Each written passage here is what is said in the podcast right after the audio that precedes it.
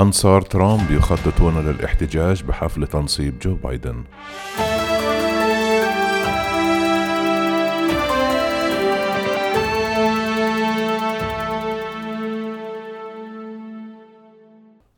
تعهد أنصار الرئيس المنتهي ولايته دونالد ترامب الذين يشعرون بالجرأة بعد اقتحام الكونغرس الأربعاء الماضي بالعودة إلى واشنطن لحضور حفل تنصيب الرئيس المنتخب جو بايدن.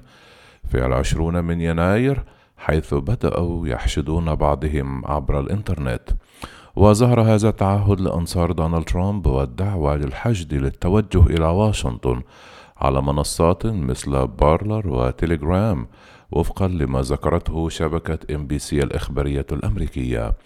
وأفادت الشبكة بأن أحد الحسابات على تطبيق بارلر يتم تعقبه من قبل الجهات الرسمية بعد توجيه دعوة لأنصار ترامب بالعودة إلى واشنطن في التاسع عشر من يناير مع حمل السلاح للدفاع عن عزيمة البلاد.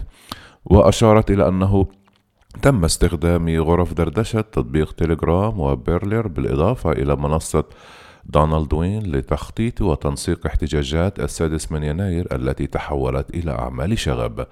وشهدت منصة دونالد وين إشادات كثيرة بالأشخاص الذين قاموا بأعمال الشغب أثناء عملية اقتحام الكونغرس الأربعاء الماضي والتي تسببت بمقتل خمس أشخاص بينهم أحد رجال أمن الكابيتال ووفقا للشبكة الإخبارية فقد تعهد أحد مستخدمي بارلر ممن ينشر كثيرا عن حركة كيو أنون بالتوجه إلى واشنطن بأعداد كبيرة. وقال سنأتي بأرقام لا يمكن لأي جيش دائم أو وكالة شرطة مطابقتها ويبدو أن ما فعله أنصار دونالد ترامب المنتهي ولايته ذوي الآراء المتطرفة أثناء أعمال الشغب في الكابيتال جعلهم يشعرون بجرأة كبيرة.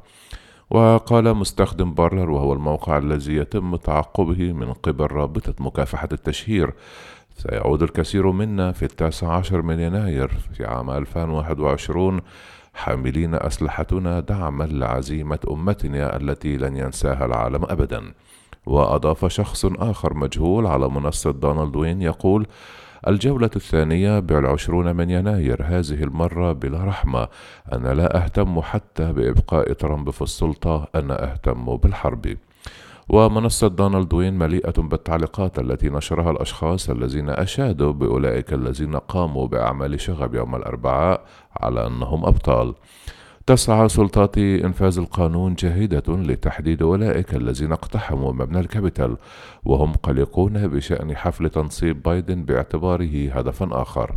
وقال مدير مساعد مدير مكتب التحقيقات الفيدرالي ال FBI السابق والمحلل الأمني لشبكة ان بي سي فرانك فيغلوري أن سلطات إنفاذ القانون الفيدرالية والمحلية نفذت عشرات الاعتقالات حتى الآن فيما يتعلق بخرق مبنى الكابيتال يوم الأربعاء وبسبب انتهاكات حظر التجول الذي أعقب ذلك. وتقول أستاذة علوم الكمبيوتر في جامعة إيلون ميغان سكوير أنها قلقة نظرا لأن ترامب لن يكون في حفل التنصيب وبالتالي فإن المتطرفين سيركزون على بايدن. وأضافت في السادس من يناير تركزت طاقتهم على الكونغرس وفي العشرون من يناير سيركزون طاقاتهم على بايدن. هذا مقلق بشكل خاص لأنهم لا يشعرون بالندم أو الخجل.